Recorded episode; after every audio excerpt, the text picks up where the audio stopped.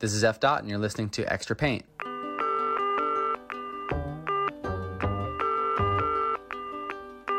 Hey, my name is Eric Friedenson, aka F Dot. I'm an artist and muralist from Brooklyn, New York. Extra Paint is a podcast for muralists and art lovers of all kinds. In each episode, we're going to talk to different artists and makers who are truly dedicated to their craft and making an impact in their community. Today we're speaking with someone who works with a lot of different mural artists on a daily basis, helping them get new projects, find clients, and focus on their art. Enriqueta Rias is the founder of Art Synonym, which is an artist agency and liaison service for muralists based in Mexico City. I have personal experience of working with Enriqueta at WeWork and on outside projects, and she is a beast when it comes to big wall projects and crazy timelines and all that stuff. I know she really cares a lot about the mural community and she's excited to share her perspective with you and some advice as well. We talked about working on both commercial and personal murals for festivals and public art projects. She shared an inside look about what it's like to manage projects and work with some of the biggest artists and brands from around the world. Okay, let's talk to Enriqueta. Thank you, Eric, for having me. Uh, yeah, my name is Enriqueta, Enriqueta Arias. I'm from Mexico City. Uh, I'm 29 years old, almost 30 years and uh and well i'm the founder and creative director of art synonym. And well basically we're a creative house and we produce projects with artists and we act like a, as a bridge between artists and brands uh, some art festivals galleries museums and we're based in mexico city but we work with artists uh, from all over the world and we do projects um, internationally as well. I remember you used to call it like an artist liaison. Yeah, exactly. So you're helping you're helping artists to find the right brands to work with and you're helping brands to find the right artists to work with and like over time you're just growing your family of people you work with.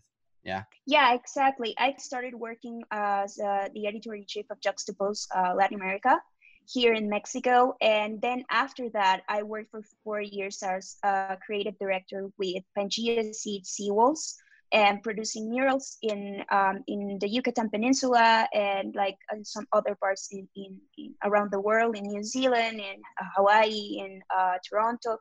And then um, I I really wanted to create my own project and one of the main concerns that I was having uh, during those years it was uh, why not um, artists that were getting paid because of their job and uh, because of the mural festivals and so on. So i think that was the the beginning of art synonym and becoming like this bridge or this liaison um that, that really wants to vinculate or uh, create um a relationship with the brands or with festivals because I think it's also really nice to create uh, a really good relationship with these brands because you can continue keep working with them and that's something for example that happened with WeWork or with Nike and we're not getting sponsored by them right now but but yeah like it's it's really cool to see how these brands like really want to work with artists and actually give them a voice in vinculate with their products or their services. So that's really cool. You're dropping some big names here. I don't know if you caught all those listener but enriqueta has worked with juxtapose. How long did you work with juxtapose? Uh, it was two years, almost three years. And I think that was the beginning of everything. I really, really love it. And yeah, it, it was, it was a nice time. That's one of the magazines that I've been following for like 10 years now. I remember being like first studying design and like picking up some magazines. And that was one of the magazines I like I love to eventually have my work in this magazine. That's like one of those top tier art magazines. And then you said you worked with Seawalls and Pangea Seed which is like one of the premier mural festivals in the world supporting ocean conservation. And so you just like have this amazing resume before you started your own project and that's part of why I wanted to have you on the show uh, to talk about these experiences, but also we're friends. We go we go back and I visited Mexico a ton of times and obviously through WeWork, but we were friends even before WeWork. How did we meet each other again? Was it through Ricardo? No, I think it was because of Mariana and she actually worked uh, at WeWork here in Mexico. I think she was one of the first employees of WeWork in Mexico when they first opened it, and they did that mural with Smith and Seher, and it was created by Wanex Ron. And she, I think she gave you um, the presentation of Art Cinema because it was actually the first years, like I, I was starting with Art Cinema at that time. And then you contacted me and we started talking and then we started following each other on Instagram. And after that it was the opportunity to collaborate uh on with WeWork. But then we started to having like a more like a friends relationship after that. Yeah and we also just realized like how many friends we had in common already. You know a lot of artists we both followed or or we had friends with you know people here in New York or in Mexico yeah. or in, in different places. Well what are you working on now? these days before we get into like more of the deep questions. Just like curious like what's where's your head at right now? I know that it's 2020 is a crazy year difficult for artists and and for brands. So like what are you keeping busy with now and maybe what's changed? Well one of the things that changed is um like some of the big projects that we were having planned for the year uh they just fell apart and uh, they were canceled basically and uh so one of them it was uh actually a very very amazing mural with uh Violeta Hernandez which is also a friend um of us. And and she she was doing this mural for the Ermax day. And it was a project that I was very excited about because it was the first time that we were trying a paint that actually cleans the air uh because uh it absorbs the CO2 and it helps to actually clean the environment. So it's an ecological paint and it's from the philippines. And then we have this uh really cool project doing with uh gucci since last year and we were producing like their art wall for yeah for the past year and we were doing the same like this year. And we we only had the chance to make one of the murals at the beginning of like february and that was it and then the project was canceled like for the rest of the year. So that was really sad because it was it's it's amazing and and it's a challenge every time because the murals are really hard and Gucci is really picky and and it's the only country in Latin America that we actually have the art wall of Gucci and we're not going to have this year anymore so it's kind of sad. But then after that I started to actually talk with Ricardo with uh it's a living. And we were trying to do like something different and and I pitch uh to an agency that I really have a good relationship with them because we were trying to do a project with Apple this year but also fell apart because of covid. And uh, and they were saying like hey um, I don't know if you want to do something and maybe we can try to collaborate and so i teach the idea to create this uh kind of neural projections. They say like yeah let's do it. We will take care of the production. And let's combine it with musicians and like actors and actresses and like um activists and uh filmmakers. And so we combined that they were giving us like some phrases or quotes about how they feel during the confinement time and during this time. And then we give those uh quotes to the artist to the visual artist and they produce a piece of art based on that uh quote. And we project that piece of art as a mural. So there were 13 artists and uh 13 creatives 13 days and just one wall. And also like we we all did it because we want to. It was not paid. It was only like just for fun and i think it was a really nice way to see that we still create and we we still want to work and we're still working even if we are in confinement. That's such a cool project. Yeah i saw the one that you did with lou. Yeah. That was beautiful. Um but the agency basically handled all the technical aspects of getting the projection up on the wall because the projection mapping and and projecting murals is something that i haven't really done too much of only for when i'm just trying to transfer the design and then it goes away you know? but it was also visible during the day too or was just for at night? No it was only the night during the night but yeah it was a very specific kind of projector. So so i think it was not that easy but apple take care of that. So we only have to do like this link between the artists and the creatives. Some of the projections were um animations so that was really nice because it's something new also for us because some of the artists they they, they never tried animation and they did it so that was cool too. That's cool. I've been getting more into animation myself actually trying to to now that we have a little bit more time like we have less projects you know so we can make our projects more special. Uh some of us i guess yeah. Totally yeah. Um, we've collaborated with a lot of the same people before but do you have any like favorite collaborations that you've done in the past couple of years? Who are some of the people that you've gotten to work with? You said that you've worked with some musicians or is it too hard to name any favorites?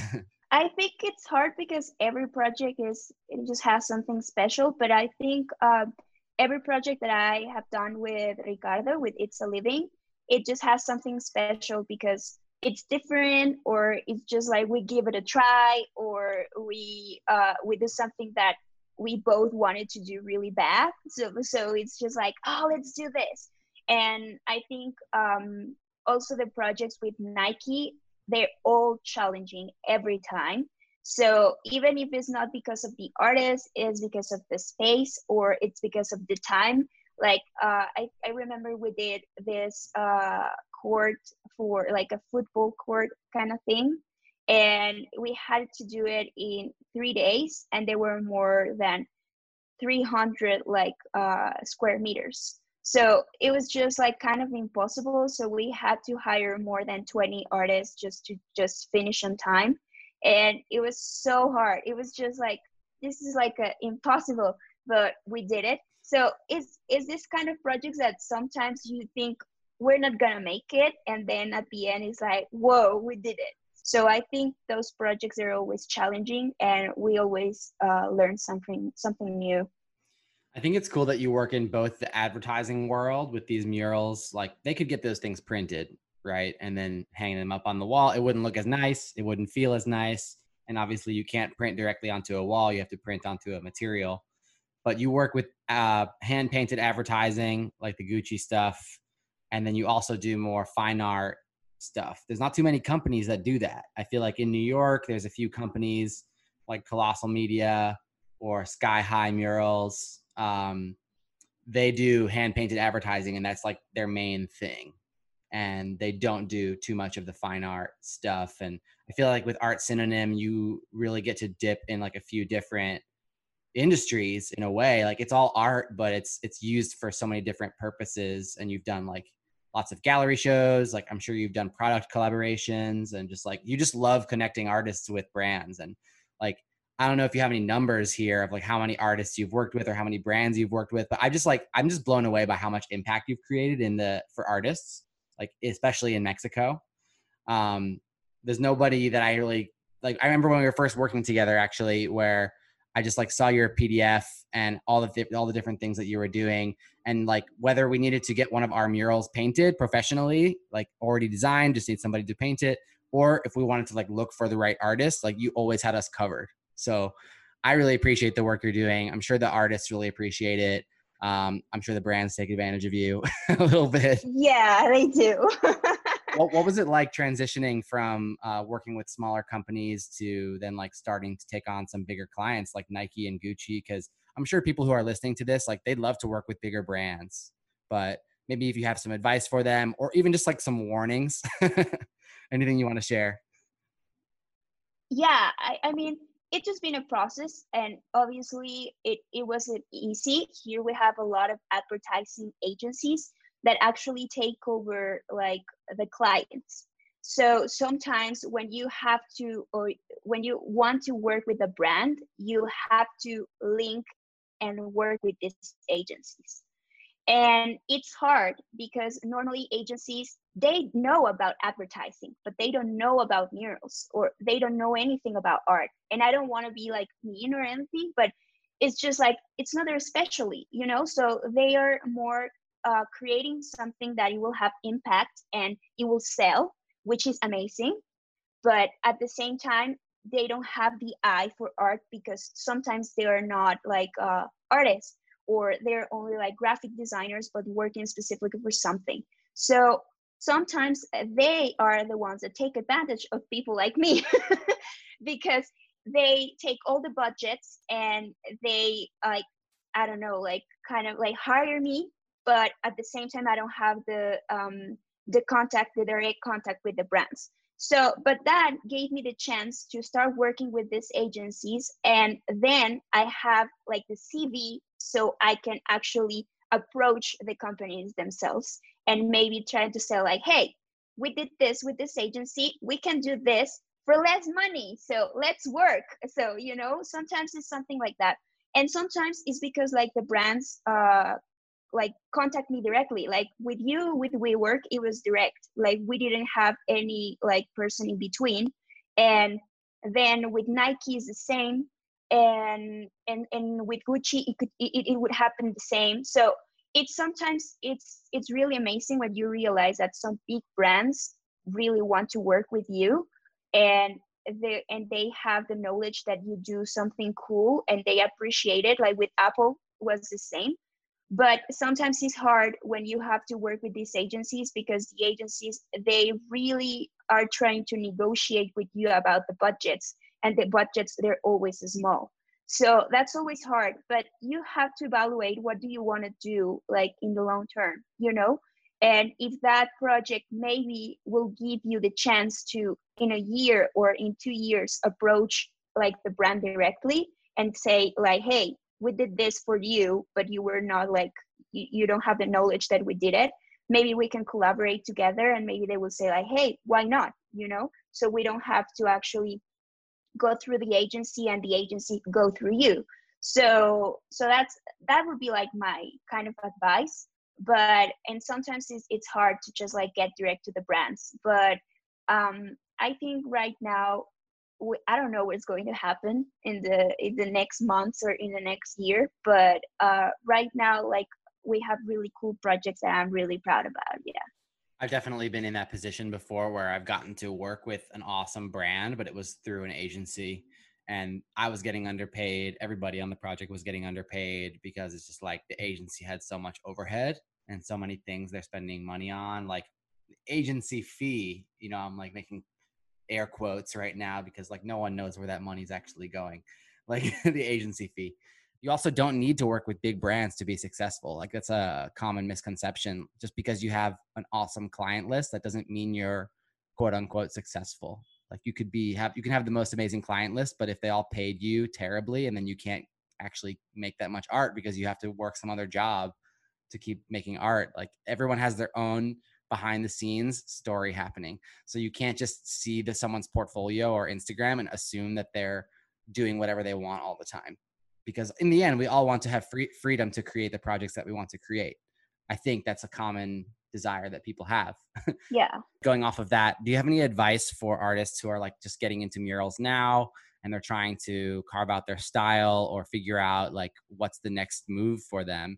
I know it's a it's a weird year to try to become an, a muralist for the first time but like anything that you think would also be good advice in the future or the past like not specifically for 2020 I think in general like trying like different um like mediums and experimenting and I think uh right now it's a good time to do it because you don't have the pressure.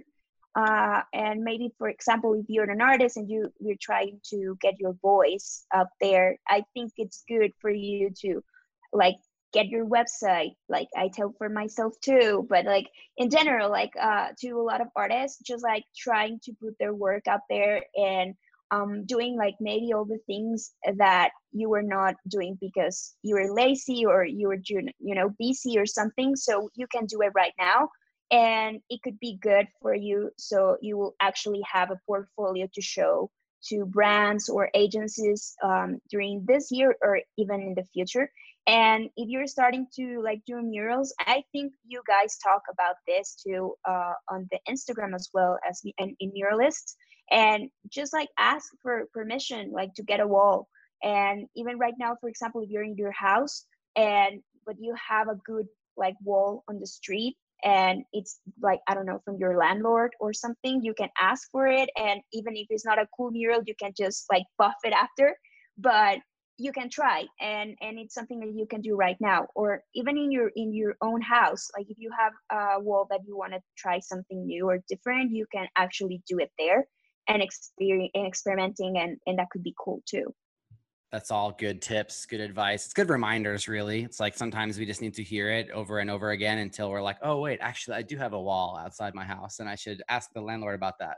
Yeah or and even documenting. Uh documenting i think it's one of the like the biggest mistakes in general like sometimes you're creating something but if you don't uh have documentation of it sometimes it's like maybe you you didn't do it really you know or, or you can show it to people. So if you're trying something different or if you're doing like uh even if it's a small a small mural or just a piece of art that you're doing at your studio or you're trying like animation and like uh or motion graphics or or whatever you have to document yourself. So you have something to show and tell like hey we did this. So you can actually sell it to a brand or for a project. Yeah if you didn't document it or share it it's not going to help you too much to to build your portfolio because it's just going to be i mean it will get enjoyed if it's a mural if it's on the street.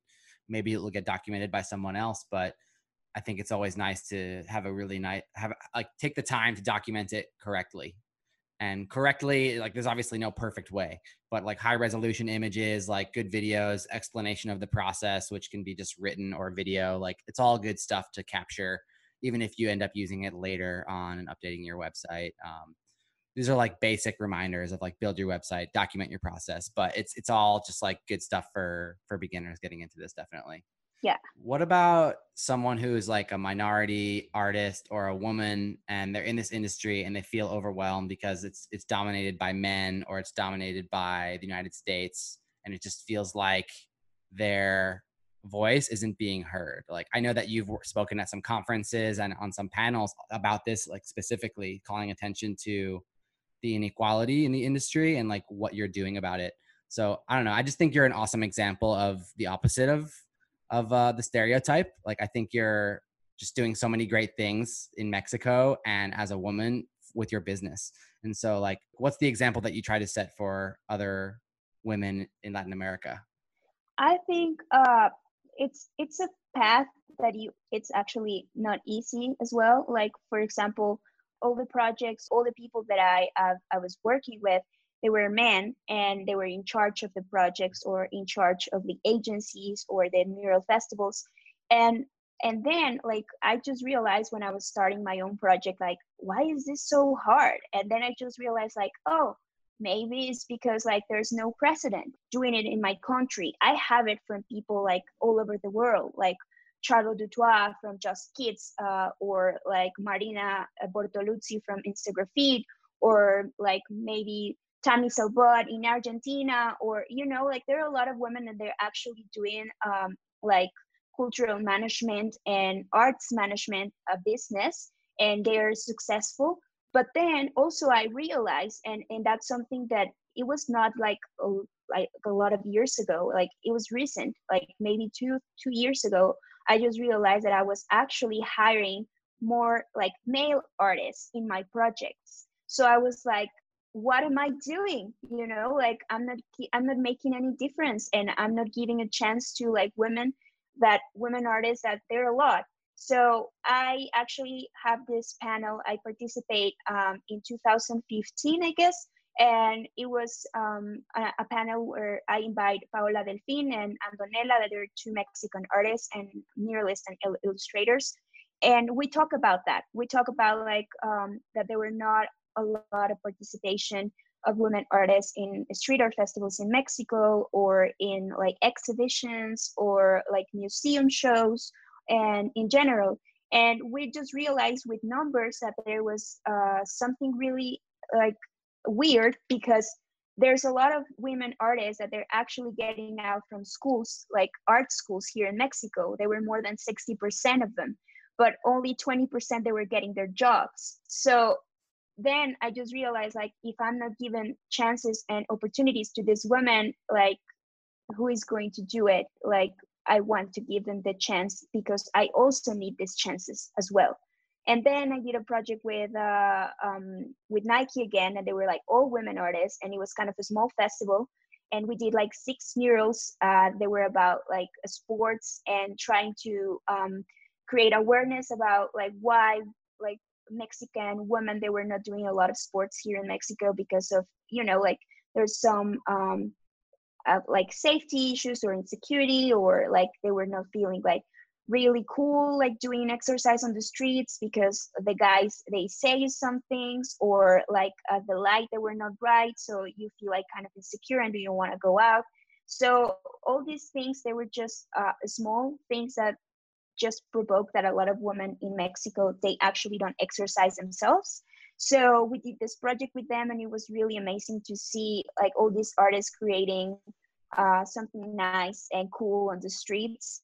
And and after that i think right now it's one of my main things like trying to hire and get more women artists in in the industry because i think they're all out there but we just have to like give them the chance to to actually produce and and create a mural or being part of a show or anything. So i think it's it's very important. And and I, and also right now with all the things that we just like experiencing during these movements like social movements that they're happening all around i think it's more important to us um just to realize and and just evaluate the way that we were acting for the past years and why and and how we are just like um recreating like social standards that maybe we were not aware of and right now we are aware and so we can change them in the way that we could do like maybe it will it will not be fast but we can just like try to give it a chance. So like more artists, not like Mexican, but but there are a lot of like Latin American artists living here in Mexico. So give them the chance to actually be part of it. when i'm of color, because we have women of color in Mexico too, and and all these things that maybe I wasn't even realized about them. And right now I want to change them as well. So I think it's all a process, and and it's uh it's our job to change the way we think and the way we act. I feel like it's also just sometimes takes a little bit of extra work I mean, for me, I put out some job postings recently. I was hiring some part-time employees to help me with my business and their applications that I received back were overwhelmingly white people and men. And it would be easy just to go through all of those listings, all of those applications and make my decision based on the best fit.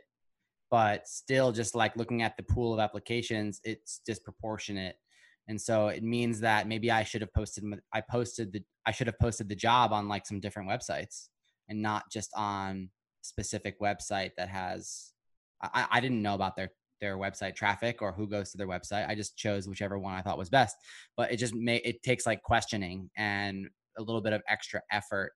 And I think we all could choose we all we all just need to be like better going forward and now that we're more aware Yeah, totally. And I think it's just the right time to actually do something for a change and not just like brag about it, you know, TV shows and like campaigns that actually want to be inclusive or want to actually talk about like the uh the queer and LGBTQ movement and try to include them, but it's just words, you know, but in like in reality we we now know that it's actually not changing anything and we are so tired we can't pretend anymore.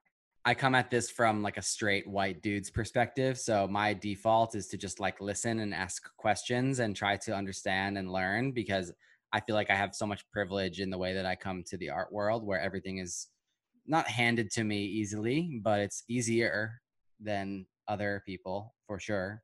I think that's part of the reason why i started this podcast was just like to interview people who i thought it's worth like sharing their perspectives. Um, but then at the same time, like I don't want to do it just because they are a person of color or just because they are a woman. Like they're worthy and they deserve to have their story like amplified and listened to like regardless of who they are. So it's like a back and forth like when you see a brand trying to do something that is uh altruistic or, or helpful in these movements like you have to make sure that you can tell that it's coming from a good motivation it's like you never really know if it's coming from just make them look good or if it's really something they believe in. And I think you'll see in in a few months if some of the brands have stopped talking about it and they've stopped taking action, it's like it was more of a performance than it was actually an act of allyship. Yeah, and I think like uh in general we just have to realize in in a really um idealistic world like art should be not gender or should it be like race but in a sense like in reality like it it has some like weight. So we have to try to change those things because i think um like in general art should be just like choosing the best art you know? But also to choose the best art you have to know all the types of art that they're out there. So you have to actually as you said like just make the effort and find out like where this uh, other type of artists are like you know and what they doing and where at the forums or the websites or the Instagram accounts where they're showing their work. So it's time it's work and it's thinking but i think uh it's just a time to actually change something. So it's a good time. As long as we have work coming in i think it's partially our responsibility to redistribute that work or like the money made from the work uh, to to things that we care about. And yeah, it's always going to feel like it's never enough, I think, especially from me. Like I feel the guilt yeah. of being a, a, like a white dude and just like never making enough impact with my privilege because obviously I have to take care of myself too. And so I think it's something that we all just have to face as we get older. It's like at what level are we okay with taking some for ourselves and then giving back and um and finding that balance is like a lifelong journey, I think yeah totally. And like just like getting the balance is it's not going to be easy but we have to try it. Um what are you here's switching gears a little bit. What do you what do you look for in up and coming mural artists? I mean you mentioned some of the advice about what people can do to get their work out there but what about in terms of the artwork itself? Like is it just something where when you see an, a fresh artist that you've never seen before like it just hits you and you kind of like oh my god i need i want to work with this person?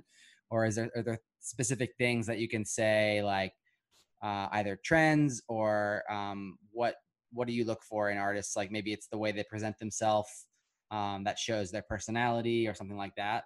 Uh i think like the first uh the first thing that you say is like always happens. Like i think it happens to everyone. It's just like when you actually find an artist and you're just like whoa oh my god i want to work with you. It's so cool. And it's just like i don't know. It, it, it's something that even it, it doesn't have any explanation maybe. But in terms of like production and in terms of like art synonym like normally it's because of the type of project that I'm doing. So for example if uh we're going to do a project and we have to do like uh I don't know something very geometrical and like with a lot of like bright colors and so on so that's the thing that i'm looking for for that project. So i just start to look into the artists that i already know and then like the artists that i want to know that actually doing that um that style. Or if we're looking for like photorealistic or like hyperrealism or something the same.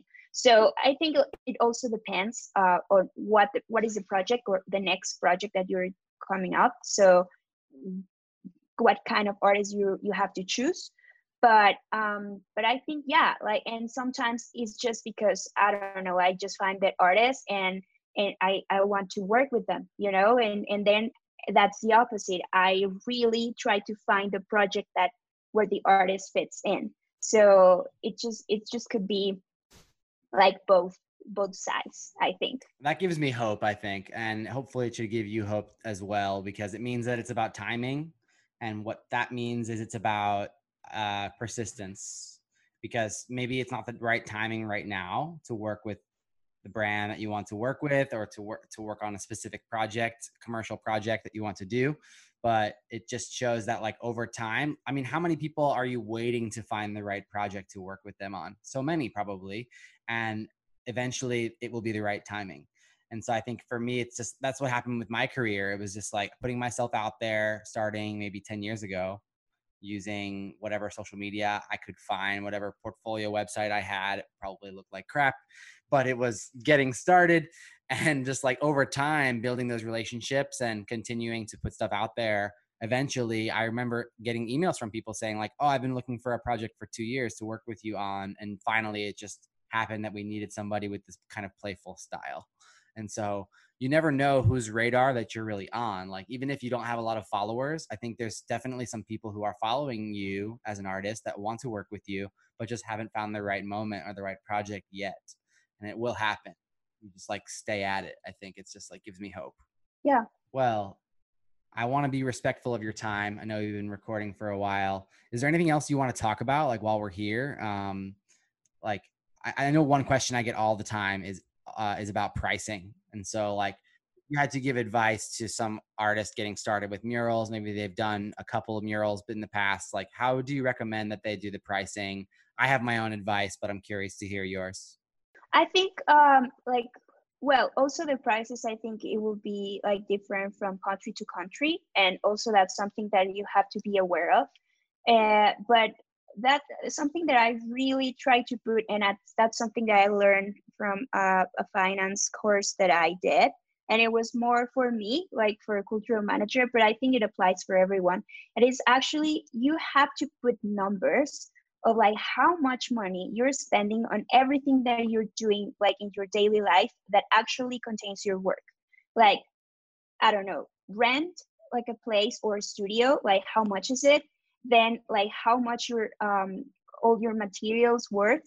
and like the the price that you pay for like internet or wi-fi your cell phone like you know all these prices that they're like a small like the uber like how like you know your your meals. So all these prices you have to be very careful and you can do it easily in a on an excel. And and like when you have all these prices then you compensate how much money you want to make before the prices that you already have every month you know? And based on that that that could be the way that you can charge like how much money your work is worthing. So that's like a principle like basic principle thing about finances and and it's just like looking in a very big perspective. But then like for example about a mural or a project i think also depends on like which is the brand and like how much effort it will take for you like how many hours you will spend on doing the design and then painting the mural if you have to hire some assistant or not and then how much the materials worth. So all these things also put them together and then like again put like how much more you want to make after all these expenses that they like you know the same. And and then you have a price but i think um the the basic thing is just having your prices about your daily life. And then after that is like the big number that you have to show to brand to our agency or any anyone else. Yeah i think that's helpful. It's definitely complicated. No one said it was going to be easy to come up with fair prices for your work. I think when I was getting started, I was just throwing out random numbers. like, "Oh yeah, I'll, I'll I'll do that for $2,000 or I'll do that for whatever." But then after a while, like especially when you start doing larger projects, like that comes that can come back to bite you because if you undercharged, then you end up just getting screwed over in the end and feeling like taken advantage of, but in the end it was your fault. And so doing the homework, doing the math up front, I think always it helps. And then you also have to be okay with knowing that there is no perfect number for the project. Like you have to go with the budget of the client but also the brand. And so maybe if there's this huge brand that wants to work with you but they're trying to take advantage, like you have to decide whether it's worth it for you. And I think that's always something that's hard too because if you say yes to a really cheap price, that kind of lets the client know that they can do that again with a different artist. And so it hurts it hurts the industry as a whole. Yeah, that's true. But I think also it depends uh because sometimes I think we we just think that big brands have big budgets and sometimes it's not the truth. And so it's it's just like something that maybe you have to evaluate. It's um you really want to do this project for that brand? Like do you really want to take um the time to and the effort to make that thing it will just actually give you something in return like experience or maybe you can put it on your CV and then you can get more projects after that. Or you know you have to make all these evaluations in your mind. And if actually if it's worth it like you actually have to do it. But if not maybe you don't have to do it even if it's Apple or even if it's uh, Netflix you know? So I think it also depends and as you said I think there's not a right number because all the projects are different and sometimes agencies with art they're always experiencing and experimenting. So like they don't have like real budgets because they don't know. So you also have to play with that and in that kind of like yeah it's a game and you have to play that game and then you have to also try to take advantage of what this experience giving to you if it's going to be something that you really um want to do or if it's something that you want to try like I don't know for example if they say we really like your style but we want something with more letters. And you're like oh yeah but maybe maybe that's not your case. But like maybe some artists that they're actually not good at like um typography but um maybe they can try to do something like that with that brand and the brand is who's paying for the mistake you know? so if you or, or or the trial. So you you can have the chance to actually make a trial and experiencing and experimenting but also getting paid. So that's also something that you could take advantage for you as well. So i think it's it's just like a uh try to think about a win-win situation in any time. And if it if it is a win-win situation maybe you are uh you're right and you have to take that like opportunity. Yeah. Another way to look at that is thinking about a project as like having multiple layers of strategy. And so one of those layers is making money. One of those layers is getting the experience and learning something. Another layer of strategy is building a relationship um or getting to work with a team. And so it's okay not to have every single level of strategy work out for you. But if you have some base levels of strategy, like either way, when you go into a project, you're probably going to learn something and you might even get a And then the next level is like, yeah, getting a portfolio piece out of that and then being able to use that. So um, separating it out and, and actually writing those things down like helps me to make better decisions because then I know what I'm getting into. I know what I can expect out of it and what things are maybe like it could happen or it might not happen. Um, you know, this might not be a great way, a great project for making money. Um, but it will be great for building a relationship probably. So it's all about just like finding which things are more important to you at the at the current moment like for example i just had a project recently i'm, I'm going to throw out some real numbers because i think people need to hear numbers that's cool I, I had a project where I, I proposed something. It was through an agent, so it wasn't like all for me, this money, but it was $60,000. And it's pretty good budget, right? So mm -hmm. I wanted to, to do something big with that. And th what they were asking me to do was big. It wasn't just a mural, but it was documentation of the mural. So I would have had to pay videographers and like get a whole team involved. And then they came back to me and, and they said they only had 20,000 for the project. And so i asked them for their budget in the beginning. Of course they didn't tell me. Um so i i went so yeah, i went high the and then they Always. came back and they said they had like one third of what i asked for basically. So you can apply that to whatever numbers are more relevant for your country or your city. I'm in new york so things are expensive here. Um and it, yeah, like I'm still deciding whether I want to take it on because like I said, most of that money won't go to my company. It's going to be distributed across the project. And I don't want to go and tell my videographer friends like, Hey, we can't pay what you asked for either because the client isn't paying us what we asked for. And it's just like, it all fil- it all filters down. And so that's just like a real world situation of like trying to figure out like, is it worth it? Like, how do I break this into multiple levels of strategy and success? And like, it might be worth it just based on the way that they're going to use the video because it will it, a lot of people will see it. And and exposure doesn't pay the bills as we like to say but it can be a nice bonus on top of a project if if it if it's worth it. So especially in the beginning of your career like it's good to sometimes take exposure not as a form of payment but as like icing on the cake like it helps. Yeah and or you can actually like for example right now that we're having um, a lot of like budget issues with brands and everything here uh for example one of the brands they're like some restaurants and they want to like have us uh do like do some content for their social um the social media accounts. And i know they don't have a lot of budget so they asked me a number and I obviously like asked the artist like what did they think about like maybe doing like one, two or three illustrations. And um and obviously like the the restaurant they said like we don't have that money but we can offer you that you will have like free meals for the rest of the month. So maybe that compensates like you know in terms of like we can pay only like half of that money that in this case it was like $5000 and like in terms of like pesos yeah maybe like or something like that. But it will be like 2 months total of work like doing illustrations for that restaurant.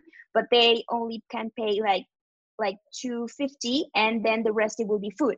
But it's okay because maybe the artist you can negotiate with the artist and if the artist is okay like yeah I will have like free meals for a month it's okay. I I like that situation. So maybe sometimes you have to um give it a chance and try to negotiate what what could be a bonus for you you know? And if actually that fits like for you as an artist i think you can give it a a chance and do it. Definitely. I i've been paid in all sorts of stuff. Like i've gotten a bike before. I've gotten food. I've gotten uh free transportation.